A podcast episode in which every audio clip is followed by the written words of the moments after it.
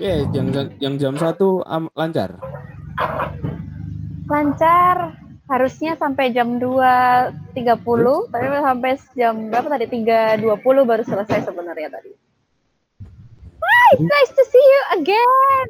Iya, udah lama kita nggak ketemu ya. Terakhir terakhir tuh ya pas kita makan bareng itu ya?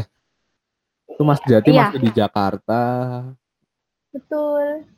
Terus kita itu tahun berapa? 2019 ya?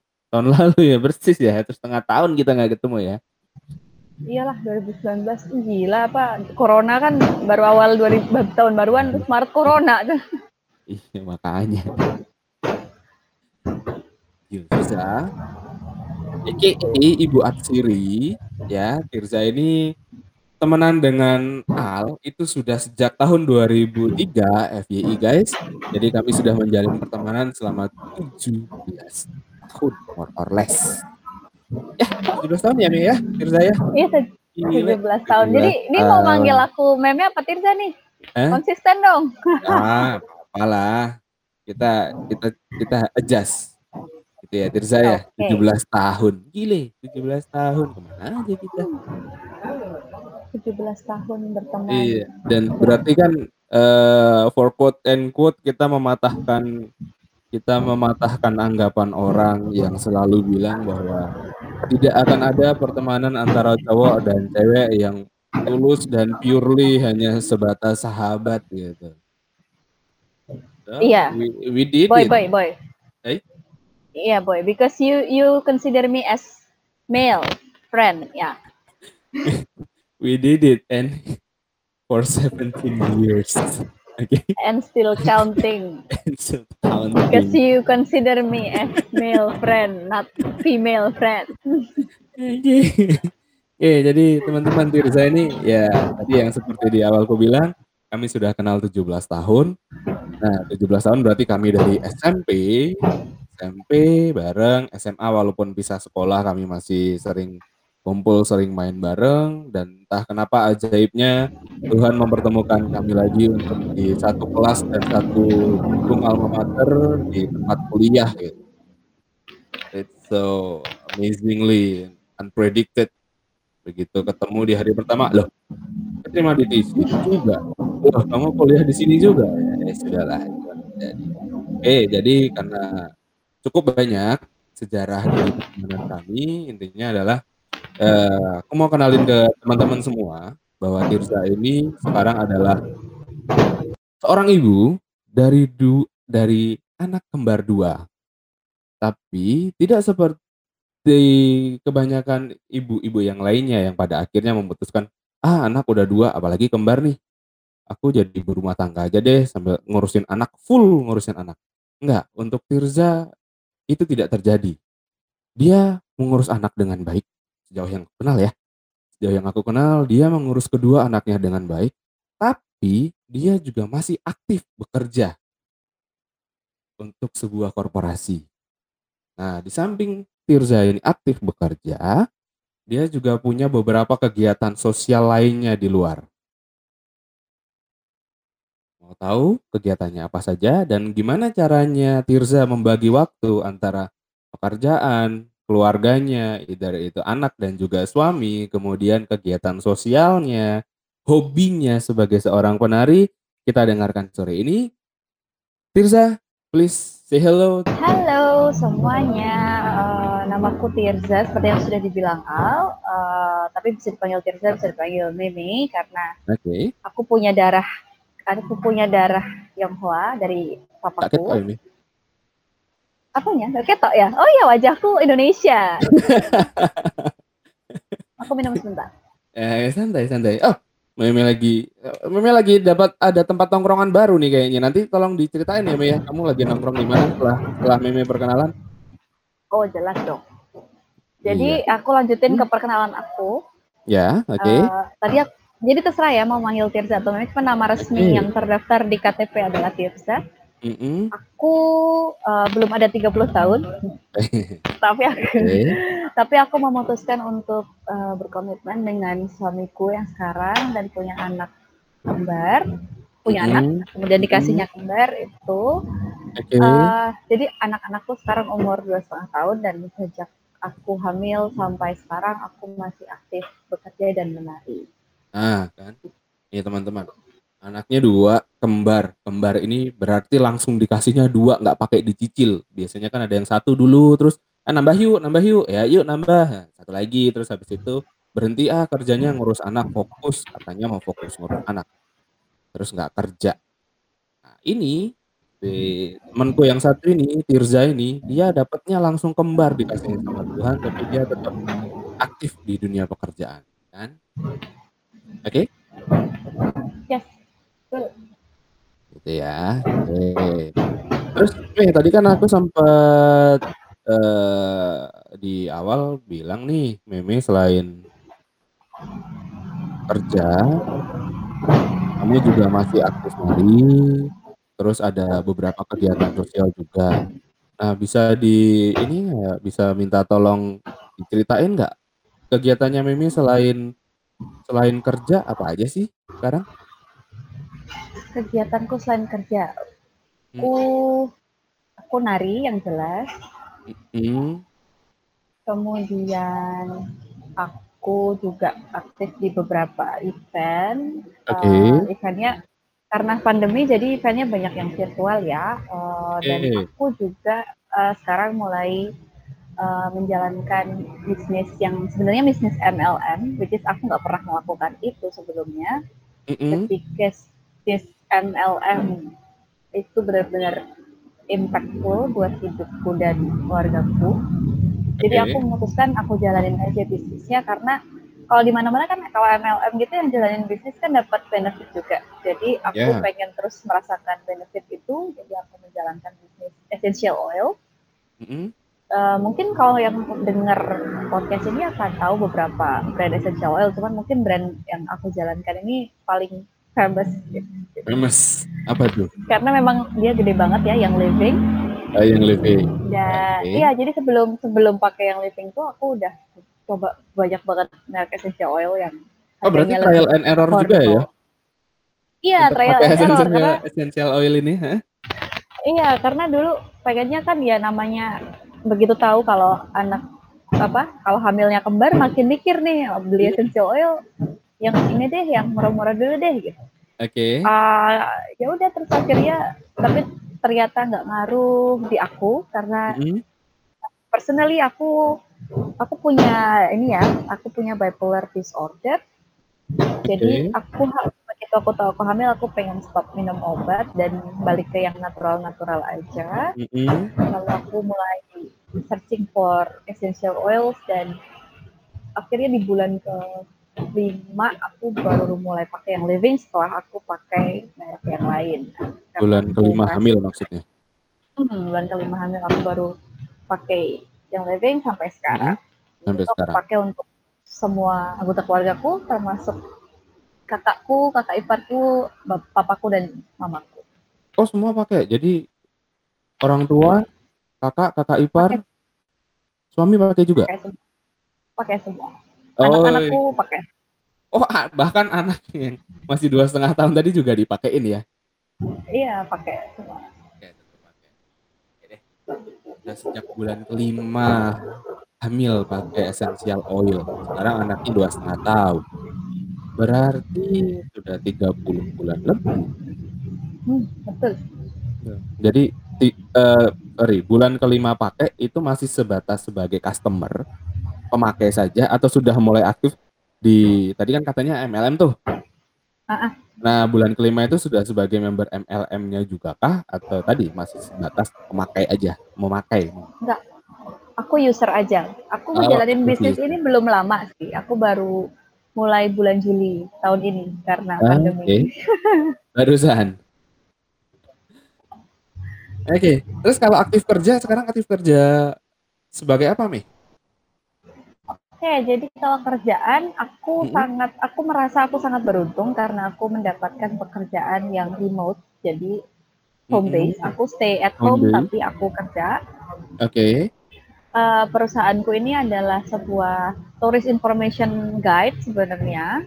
Mhm. tapi dalam bahasa Indonesia. Jadi dia kasih info itu dalam bahasa Indonesia karena memang ditujukan untuk orang-orang Indonesia. Oke. Namanya Singapore Guidebook, tetapi kami sudah punya uh, lima, lima akun Instagram yang uh, memberikan informasi soal Singapura, itu Singapore Guidebook, kemudian Malaysia Guidebook, Tokyo Mhm. Guidebook itu nggak cuma Tokyo aja, itu Jepang secara keseluruhan, kemudian Oke. Korea Guidebook dan Oke. Thailand Guidebook. Oke, Singapura, Malaysia, Jepang, Thailand, satu lagi apa tadi? Sorry, kelewat. Korea. Ah, Korea. And all in Indonesian language. Ya, all in Indonesian language. All in Indonesian language. Jadi di Jadi situ aku uh, menulis konten, konten. Mhm. Jadi kami kami modelnya pakai user generated content. Jadi kami pakai foto dari followers kami. Mhm. Kemudian caption aku yang tulis. Jadi aku bisa bilang aku copywriternya. Oke. Kemudian virtual assistant-nya juga di SGD. Oke. Dan juga uh, baru-baru ini aku didapuk tambahan satu role lagi yaitu sebagai community manager karena SGB punya komunitas Indonesian ladies di Singapura seperti itu. Ada berapa tuh membernya, Mi? So far kita baru punya 200 orang. Baru punya 200 orang dan kamu yang manage. Yes. Itu lumayan loh. Iya, jadi kami sering adain event. Event Heeh. itu sebulan tiga kali. Oke. Dan di sana aku remotely Mhm. harus koordinasi dengan event manager yang stay di Singapura. Oke. Nah, udah berapa lama nih kerja di tempat yang sekarang atau join dengan company yang sekarang? Aku join SGB awal bulan Juli, jadi barengan sama aku mulai menjalankan bisnis essential oil. Hmm, oke oke oke. Jadi setengah tahun ini ya. Ya, setengah tahun. Setengah tahun ini dan fully remote working. Full remote working. Full karena remote. aku sambil bisa ngurus anak. Ah, oke. Kalau ngomongin full remote working, akhir-akhir ini ya bukan akhir-akhir sih ini mungkin bisa bisa dibilang keterpaksaan karena suatu situasi pandemik di mana banyak orang yang akhirnya kan kantornya itu memberlakukan kebijakan work from home. Kurang lebih kan mirip-mirip ya dengan remote workingnya Tirza.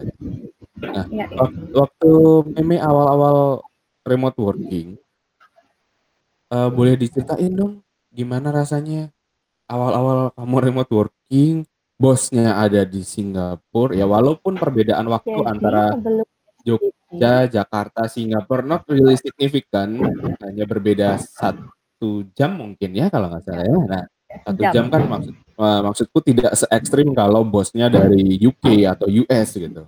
Cuma kan masih tetap aja itu adalah zona waktu yang berbeda, bedanya satu jam.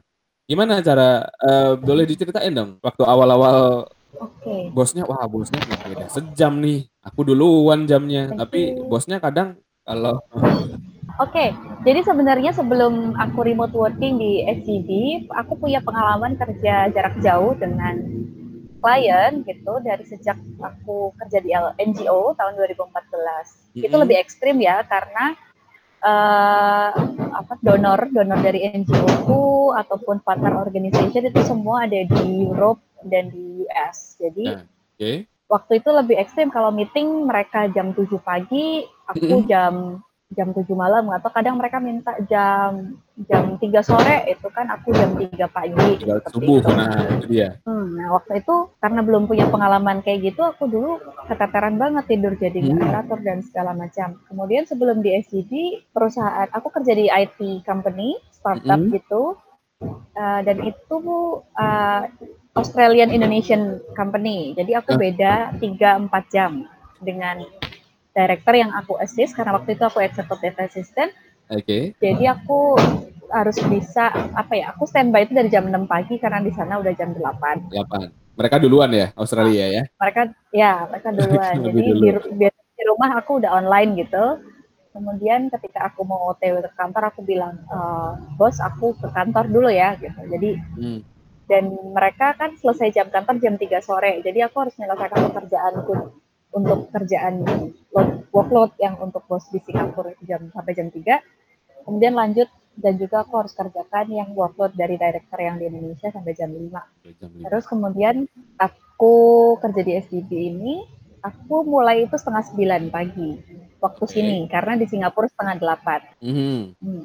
Hmm, sorry, aku mulainya setengah tujuh karena di sana setengah delapan. Oke. Terus eh, cara aku sebenarnya karena aku virtual assistant, Mhm. jadi aku kan sebenarnya harus standby. Jadi aku nggak cuman tadinya aku juga content writer kan, jadi aku memanage akun Instagram di mana aku harus posting story itu real time, real time Singapura.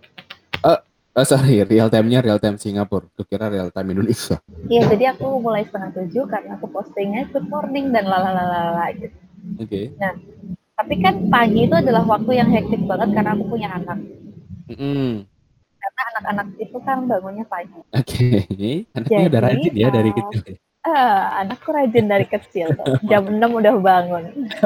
Luar biasa. Oke, oke. Jadi sejak aku remote working, aku jam 6 sudah bangun bareng sama anak-anak. Kemudian biasanya itu aku pakai setengah jam untuk mempersiapkan apa yang harus aku post di Instagramnya SCB.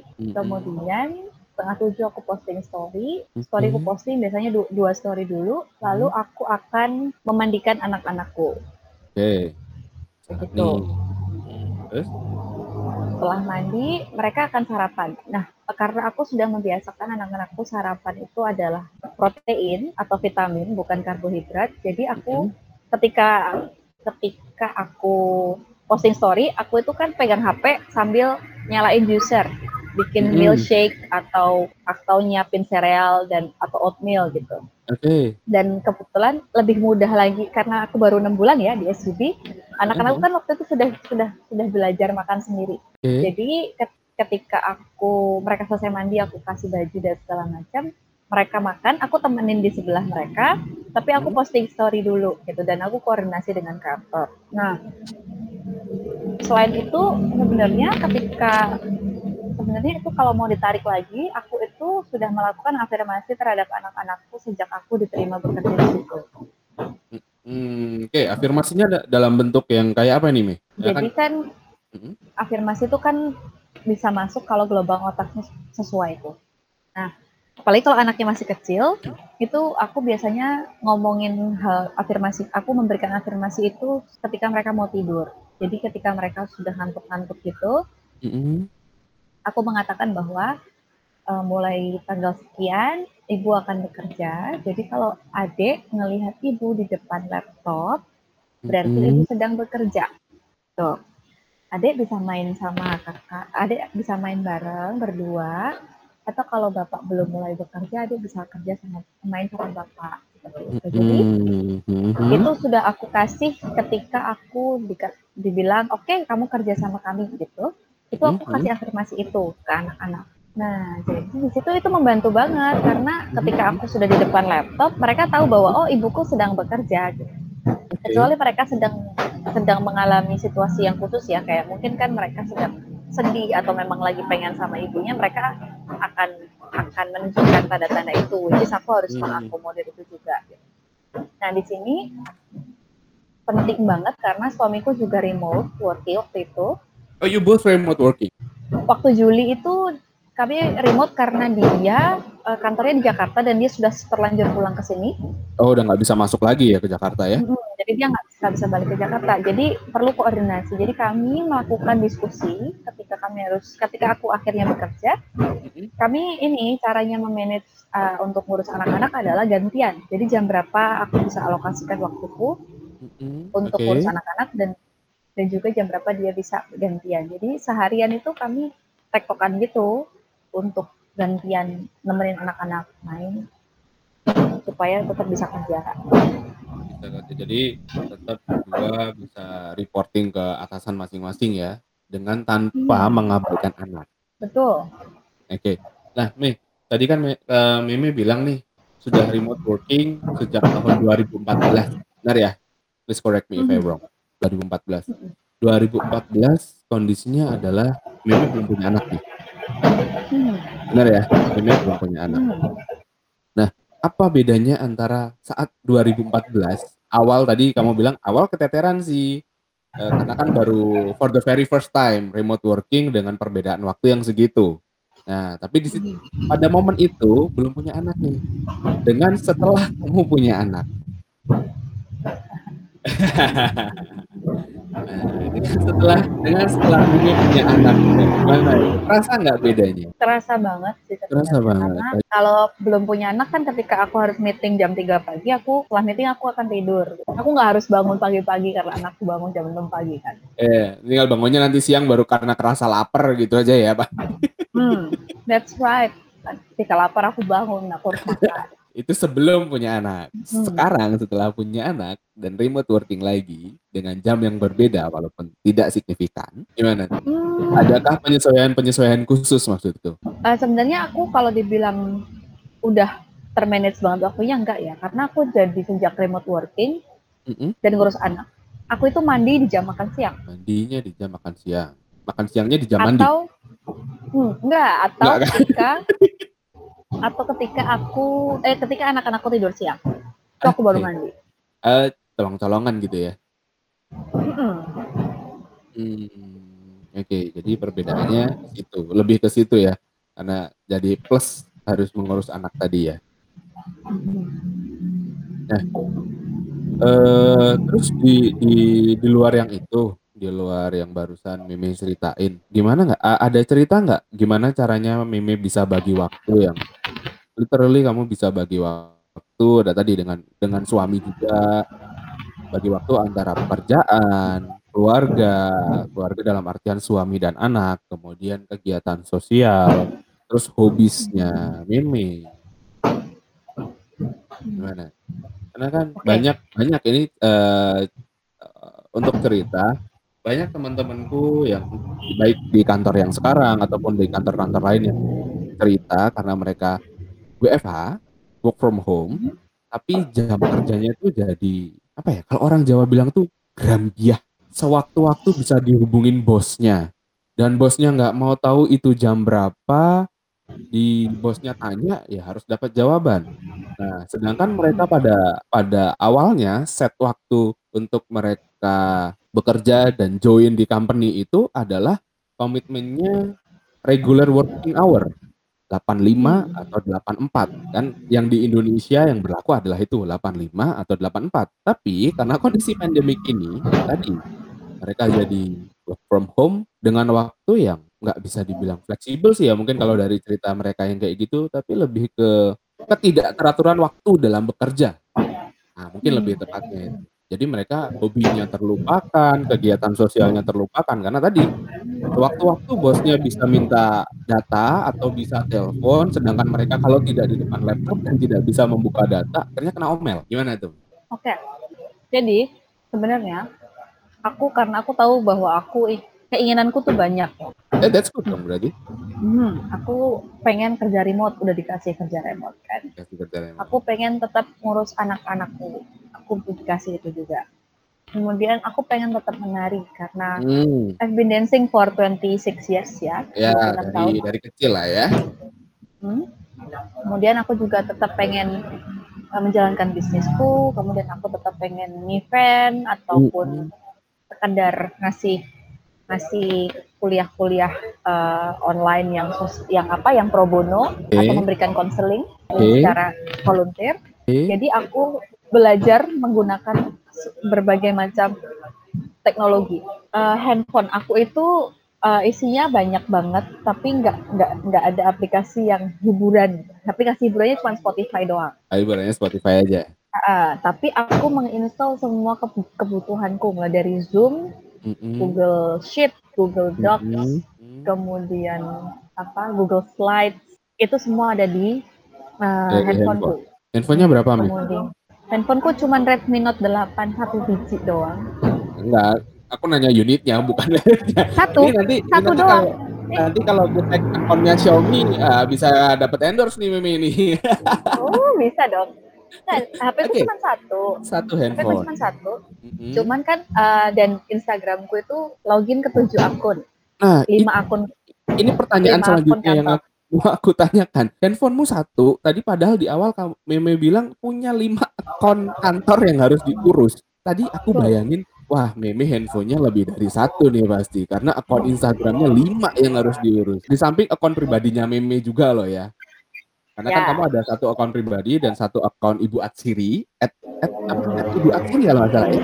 Iya, at Ibu Atsiri Nah. itu soal essential oil kan. Nah, Iya, jadi ada satu akun dan ada lima Berikut. akun kantor. Ternyata semua di dalam satu phone. Iya, sebenarnya iya satu dua tiga empat lima enam tujuh betul tujuh. Oke, nice.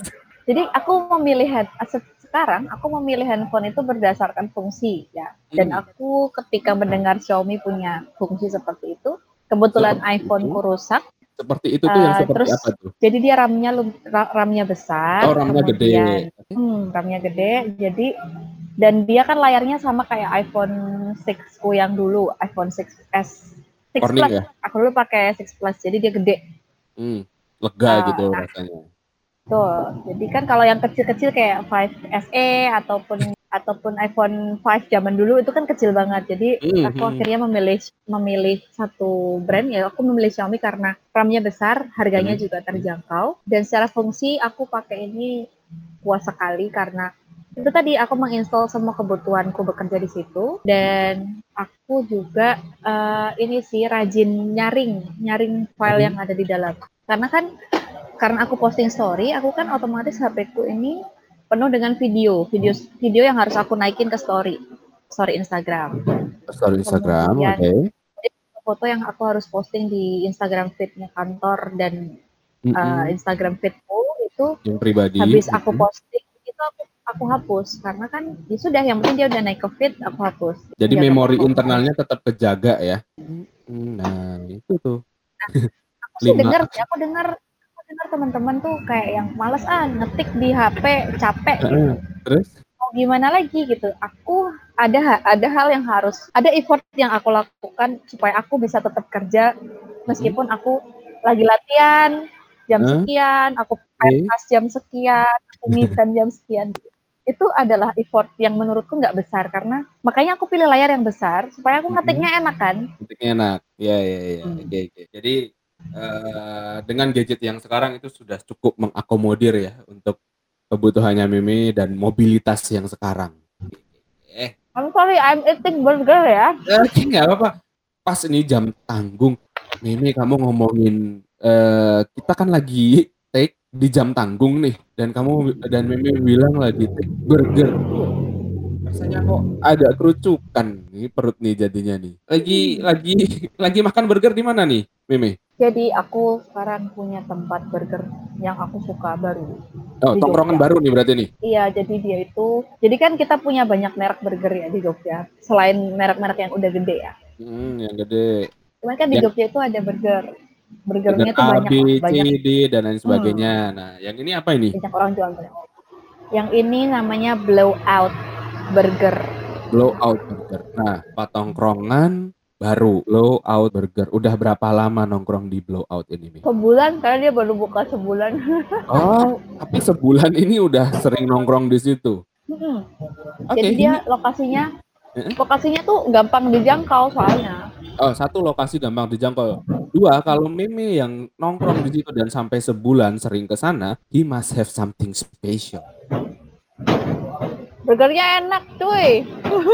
Oke. Would you mind to describe enak itu yang seperti apa? Jadi burgernya itu gede. Burgernya Terus, gede. Bannya Apa, gede. Bannya, bannya gede dan lembut. Bannya lembut. Terus patty-nya itu enak banget. Jadi berasa banget rasa dagingnya dan seasoningnya oke. Patty-nya Terus? enak, seasoningnya oh, rasa, terus terus bentar, aku munyah. terus kemudian ini, apa tuh? dia itu punya jadi saus saus burgernya itu Hmm?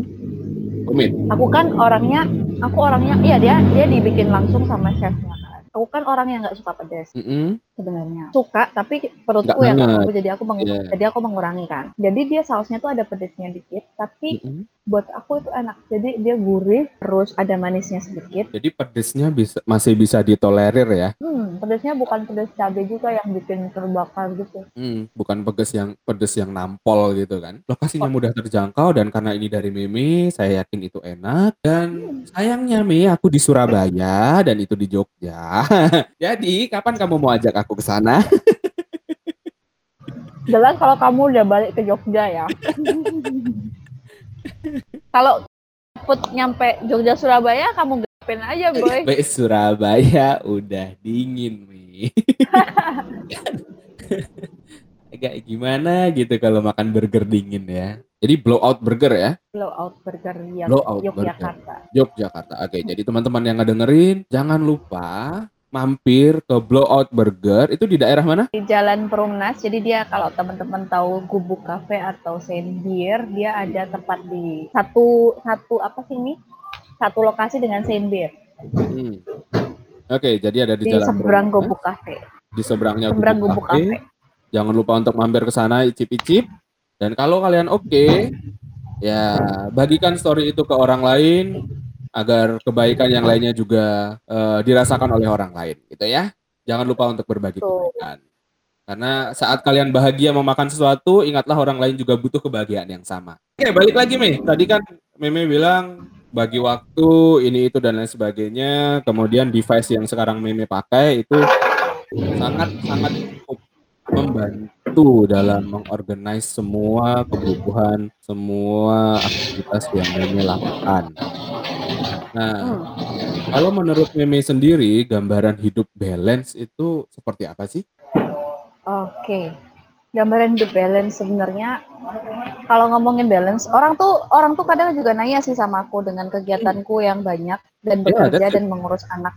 And because I aku I don't even hire any nannies ya untuk anak-anakku, aku Ah. mengurus mereka sendiri. Another for Uh, your in eh, for your information nih ya para pendengar ya. Dua anak kembar full working even remote, still do hobbies and no nannies. Gimana Mi? Oke, jadi sebenarnya aku merasa hidupku seimbang ketika aku bisa apa yang namanya melakukan pekerjaan yang aku suka. Jadi sebenarnya aku itu Mm-mm. kenapa aku memilih bekerja? Waktu itu kan aku nggak cuman apply di SGD ya, aku apply di beberapa tempat. Cuman pada akhirnya aku memantapkan diri, aku pengennya diterima di SGD karena itu remote. remote. Jadi itu Oke. jadi itu sesuai banget dengan keinginan aku. Nah, Mm-mm. balance itu kenapa? Karena kita kerja itu capek banget dan ketika kamu punya anak, kamu harus ada di mother vibes like every single time. That's why that's why I I still want to do my my hobbies, my passion di dancing Mhm, mhm, mhm. karena itu menjagaku tetap eh, zen. Aku jadi Tetap aku zen. nggak jad- jadi aku bisa apa ya melepaskan stresku ketika aku menari, aku lebih happy. Jadi Hmm. anak-anakku aman gitu. Nah, jadi hidup yang balance itu menurutku adalah eh, kamu bisa menikmati apa yang kamu lakukan. Karena Hmm. percuma kamu kerja eh, gajinya 50 juta kan and and you can provide everything for your children or for your Mhm. partner gitu but you're not Oke. happy with that kalau misalnya dibilang capek capek loh ya karena aku tuh sering banget misalnya ada ada perform perform jam kalau yang pagi tuh biasanya nikahan tuh perform pagi Jam jadi jam tuh? 5 pagi aku, jam 5 pagi aku harus sudah make up Kamu perform jam kemudian berapa ap- nih? aku perform jam 9 biasanya Jam 5 pagi sudah mulai make up. Hmm, jam 5 pagi aku udah mulai make up. Eh, kemudian kalau enggak aku aku perform jam 7 malam, otomatis kan aku Mhm. prepare dari jam 3 sore. Which is Ya. itu masih jam kerja aku kan. Nah, gimana tuh? Kalau misalnya kerjanya sosial media sebenarnya lebih gampang ya karena bisa scheduling. Jadi nggak usah sosial media sih, tapi segala sesuatu itu aku Semuanya. yang bisa di schedule itu aku schedule. Hmm, nice. Terus? Dan juga sebenarnya eh, balik lagi ke orangnya, balik lagi ke Mhm, orangnya mhm. apakah mau berkomitmen terhadap jadwal yang dia sepakati sendiri. Mhm. gitu. Karena aku itu punya work deck. Jadi di meja kerjaku ya, dan ini kalau misalnya sekarang teman-teman lagi WFH nih, Nah, penting penting untuk menyiapkan meja kerja. Jadi situasi jadi orang mhm. anak kita atau pasangan kita atau mungkin kalau yang tinggal bareng sama salah satu orang tuanya bisa Mhm. ketika kamu duduk di meja itu it means you are working.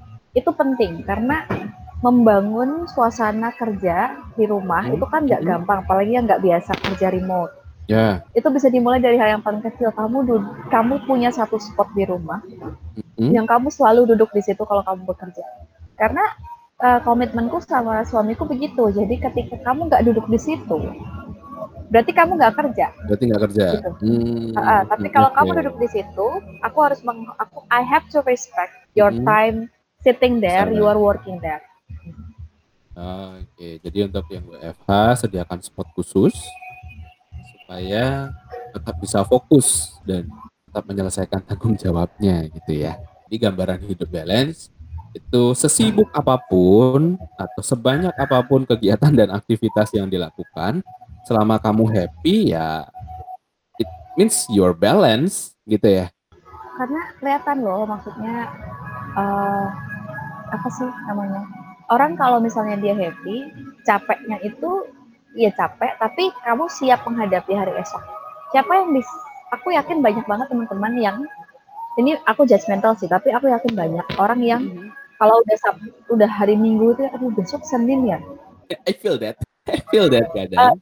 to be honest. Itu. Hmm, jadi banyak yang begitu.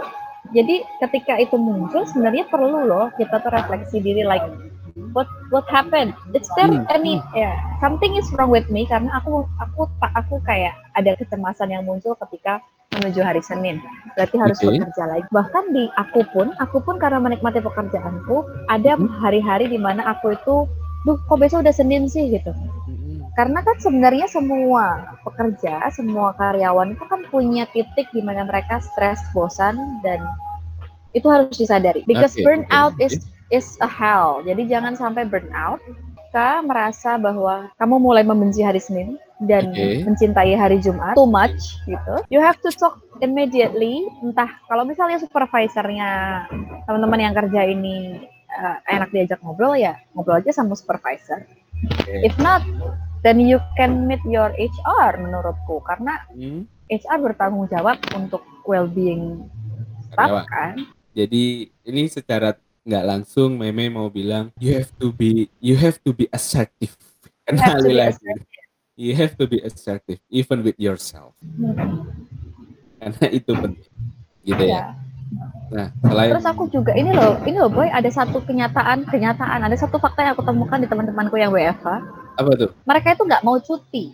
Eh sorry, tidak mau cuti atau Alasan- tidak bisa cuti. Nggak, alasannya tuh begini. Misalnya mereka capek banget nih, terus Eh, mereka cerita ke aku, terus aku, "Uh, it seems that you are burn out. Aku bilang gitu kan. Terus dia bilang, eh, ah sayang kalau cuti, ini WFH juga kan bisa disambi-sambi. itu banyak terjadi juga di teman-temanku. Nah, itu konsep yang salah gitu. Mhm. Ah WFH ini bisa disambi-sambi, tapi kan Nah. kerja gitu. itu dia itu dia ini ini sebenarnya yang yang eh, mesti kita highlight juga di dalam dalam diskusi kita tentang eh, making a balance life benar apa yang Meme barusan bilang banyak teman-teman itu yang ah aku WFH kok jadi ya santai dong oh, nggak santai ya mungkin kondisimu lebih rileks daripada saat kamu berada di ruangan kantor but you're still working. Kamu tidak dalam kondisi atau dalam mood.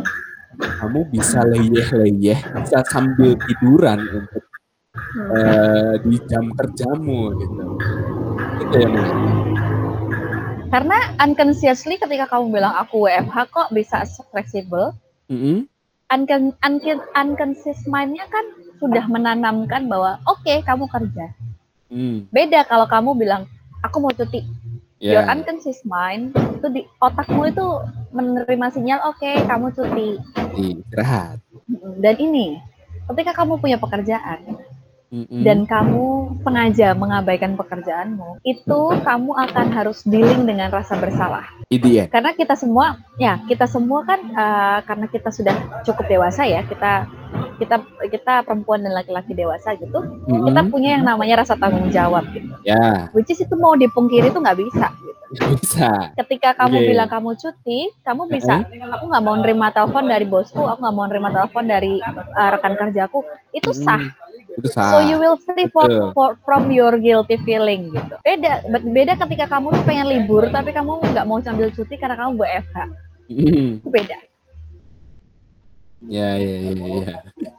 Jadi, Jadi sebenarnya di set di setnya tuh di mind dulu, mindnya tuh harus di set dulu gitu. jadi Kalau misalnya mindnya nggak di set tuh sama aja bohong. Nanti kamu nggak menikmati apa pun yang kamu lakukan. Nah, jadi tempatkan mindset pada saat dan waktu yang tepat ya. Hmm. Tapi ngomong-ngomong soal mindset nih, eee, ada tips nggak buat temen-temen pendengar nih, supaya mereka bisa, eee, bukan bukan ini lagi-lagi ya, bukan bukan mungkin we have to deal with this, eee, work life balance atau well-being, eee, well well-being in life balance term, itu bukan berarti harus dari luar, tapi kita sebagai individu, baik itu sebagai ibu rumah tangga, sebagai seorang ayah, sebagai seorang pekerja, atau sebagai aktivis sosial, itu kan kita harus meng-create sendiri. Seberapa sih kita bisa mentolerir balance life kita. Nah, ada tips nggak buat teman-teman? Oke, kalau tips gimana ya? Belum ngasih tips sebenarnya aku tuh pernah dengar banyak orang bilang there is no such a thing as work life balance. Hmm, ya. Itu bahkan dikatakan oleh uh, mantan supervisorku, jadi direkturku di perusahaan yang ku yang lama. Akhirnya, hmm, But when he saw me, but when Hmm. he met me, he said like, enak ya, Zak, hidupmu balance. eh. Di, jadi kayak sorry, kayak nelen ludah sendiri berarti. Uh-uh. Uh, jadi menurut aku tipsnya yang pertama kalau kamu WFH dan kamu kamu sekarang WFH Mhm. ataupun nanti ketika kamu nggak udah nggak WFH, itnya ketika uh, terlepas kamu punya pasangan atau enggak ya. Kat- Kamu yang pertama adalah you have to have a schedule or work day. Oke. Itu harus ditulis. Mhm. Tolong oke, write it down and put it in the place that you can see. Kalau aku ditempel ya, jadi ini laptop gitu, itu ada di tembok di mana aku menghadap. Oh di temboknya, bukan di layar laptop ya? Jangan di layar laptop karena kamu akan menggunakan laptop itu ya. Jadi itu akan terhilang-hilang gitu aja kan. Dan jangan tulis di HP karena you you you won't see that. Kayak itu kamu tempel di tempat yang kamu bisa lihat setiap saat atau setiap hari, itu akan jadi remindermu. Dan apa ya?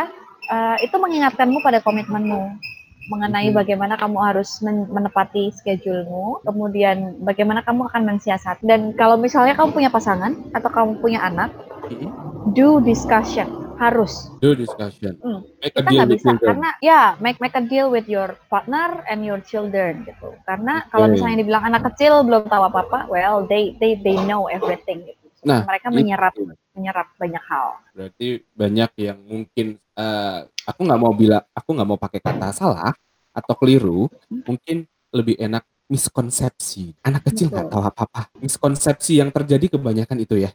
Anak kecil nggak Ya. tahu apa-apa. Ternyata ini Meme memberikan tips deal with your partner and your children. Hmm. Karena mereka adalah orang-orang terdekat ketika kamu WFH. Harus banget dealing sama mereka. Misalnya apalagi lagi WFH, bagi tugas aja. Bagi tugas itu dalam artian, ini kalau di aku sangat ngefek ya. Jadi misalnya aku akan eh, stop bekerja dulu jam 11 siang sampai jam 1, sampai jam 2. Sampai Jam 2. Karena aku jam 11 aku masak makan siang, kemudian jam 12 aku nyuapin anak-anak. Oke. Setelah itu aku nemenin mereka main satu jam, lalu menidurkan mereka. Mm-mm. Nah, jadi selama jam 11 sampai jam 2 itu suamiku yang bekerja. Mm. Kemudian berarti konsekuensiku adalah sebelum jam 11 I have to apa ya? Aku harus mengerjakan pekerjaanku semaksimal mungkin supaya jam 11 itu bisa kelar. Apa pun Oke. yang bisa dikelarin duluan itu dikelarin. Dikebut ya, Jadi di, awal. ah. Dikebut di awal atau nanti kan maksudnya di, di- ditata. Jadi kan kita pasti tahu workload kan. Apalagi kalau udah kerja lama, kita tahu nih ngerjain misalnya, misalnya kamu perlu meeting sama klien. Biasanya butuh berapa lama? Oke. Itu kamu alokasikan waktu. Justru menurutku WFH itu tantangannya adalah eh, dengan diri sendiri karena apakah kamu bisa disiplin dengan dirimu sendiri? Apakah nggak harus ditegur atasan gitu? Kamu bisa negur dirimu sendiri nggak gitu? Kamu tega Hmm. nggak gitu sama dirimu Hmm. sendiri? Karena WFH is about commitment and discipline. Dis- Komitmen dan disiplin. Oke, oke. ada lagi lain tadi Tips udah lain, pakai essential oil. Oke, essential oil. Seberapa atau apa pengaruhnya menggunakan essential oil dengan balancing life? Oke, ini terdengar jualan, tapi because I aku dulu awalnya user, jadi Eh. aku mau cerita pengalamanku aja. Jadi Ya, eh, essential oil itu kan orang kenalnya aromaterapi. eh, isn't it? Iya, jadi dia yang dipakai humidifier atau diffuser. Mhm. Atau kamu taruh di air yang kamu kasih stick Api itu kan? biar biar mau mewangi mau apa Hmm. mewangikan ruanganmu gitu. Mewangikan ruangan. Sebenarnya eh, sebenarnya ini ada ada teori psikologinya juga dan ada teori biologinya juga. Oh, double. Iya, karena Begitu. kenapa essential oil tuh ngaruh? Eh, dia kan dicium aromanya. Yap. Olfaktori ini nyambungnya langsung ke limbik di otak. Jadi Indra jadi dia ini kelimbik Ah, di langsung ke otak. limbik. Betul. Di situ dia akan eh, apa mengirimkan sinyal kepada otak mengen- eh, untuk emosi yang dirasakan. Jadi ketika jadi essential oil ini sebenarnya membantu untuk eh, regulasi mood Regulasi dan eh, so far kalau aku kerja, aku atau suamiku kerja itu kami diffuse-nya peppermint, peppermint atau rosemary namanya. Jadi dia itu eh, memban- aromanya itu membantu kami untuk fokus, untuk Ah, konsentrasi. Mm-mm. Terus Peppermint kalau atau anak-anakku peppermint atau rosemary. Kemudian kalau anak-anak, kalau anak-anakku aku kasih eh, namanya eh, lavender itu paling umum ya. Semua Lavender. pasti tahu lavender Uh-uh. karena itu aromanya calming. calming, relaxing. Iya, dia calming dan relaxing. Jadi- Dan juga aku suka pakai yang namanya frankincense, Frankincense. which is itu sebenarnya menyan sih. Kalau misalnya kita mau cari kasarannya itu menyan gitu. Eh, bahasanya Jadi jadi dia dari jadi jadi keren ya bahasanya. frankincense ya ini kan resin kan dari resin. Oke. Itu frankincense itu dia membantu apa sih namanya? Membantu anak-anak itu untuk sebenarnya frankincense pun kalau di aku membantu aku lebih lebih ini ya lebih grounding secara Hmm. spiritual. Hmm, Di anak-anak maksudnya lebih grounding mereka secara spiritual gimana nih? Sorry. Um, gimana ya jelasinnya? Jadi frankincense itu uh, ini sih karena dia kan kalau kalau kalau yang mungkin yang yang yang Katolik atau Kristen itu Eh, pernah eh. dengar Yesus itu dulu dikasih kado Mazmur dan Kemenyan. When he was Mazmur born. Hmm. Itu ya frankincense itu. Nah, maksud ma- maksudku grounding ini yang grounding itu yang seperti apa? Karena Jadi aroma aromanya itu meningkatkan uh, awareness, kemudian Oh. mindfulness juga. Mm-mm. Aku biasanya pakai frankincense sebenarnya sebelum meditasi atau sebelum menari. Kalau di anak-anak, aku kasih sebelum tidur di sini. Oh, Karena aku aku ah, dioles di antara alis. Karena Mhm. aku kan aku practicing meditation juga ya. ya, Jadi dia aku taruh di cakra. eh, ini kan mata ketiga nih third eye. gitu ya, di tengah itu ya. Ah, hmm, itu jadi ah, di anak-anakku mereka bangun itu nggak ada drama, mereka tidur nggak ada drama. Ya, ketika punya anak itu sebenarnya ketika anak kita bisa bekerja sama itu stresnya itu berkurangnya kan bisa drastis. Mhm. Jadi if you can take care of their emotion well, semuanya itu akan akan menjadi sangat lebih mudah gitu.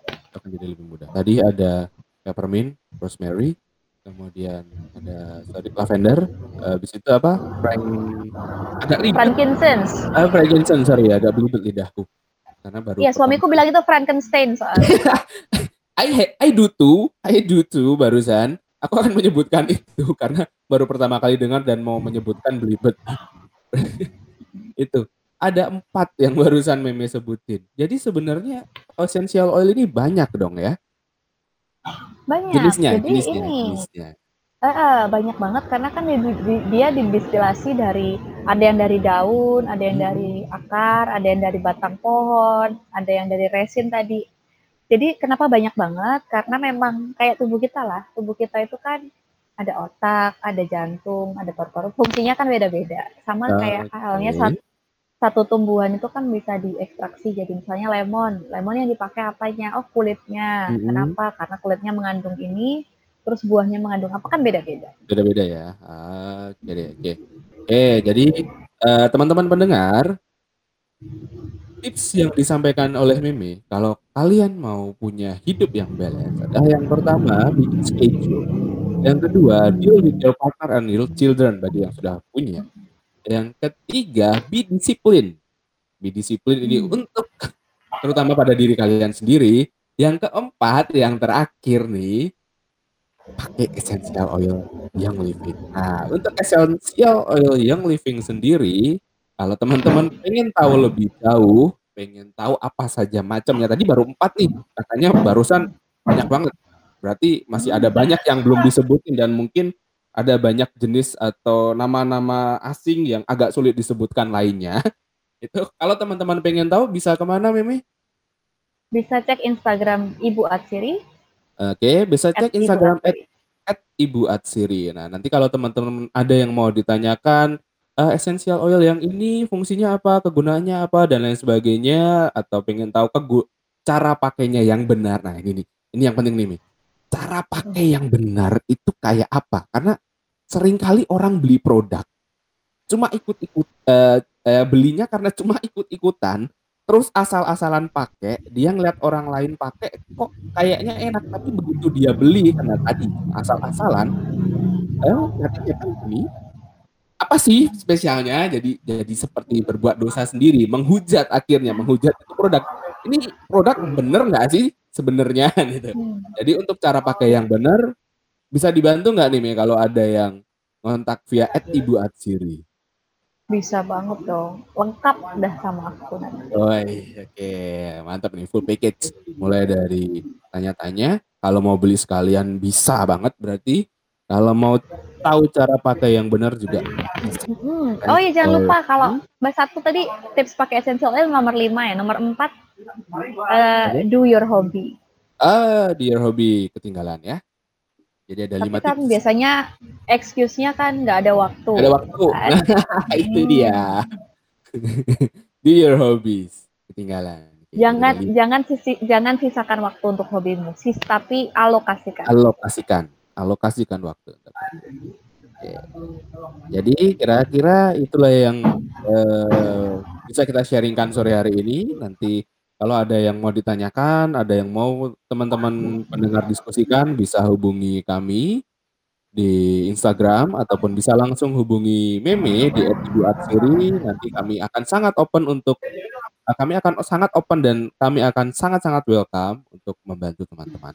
Apa pun itu, selama kami masih bisa membantu dan provide informasinya, pasti akan kami bantu, gitu ya.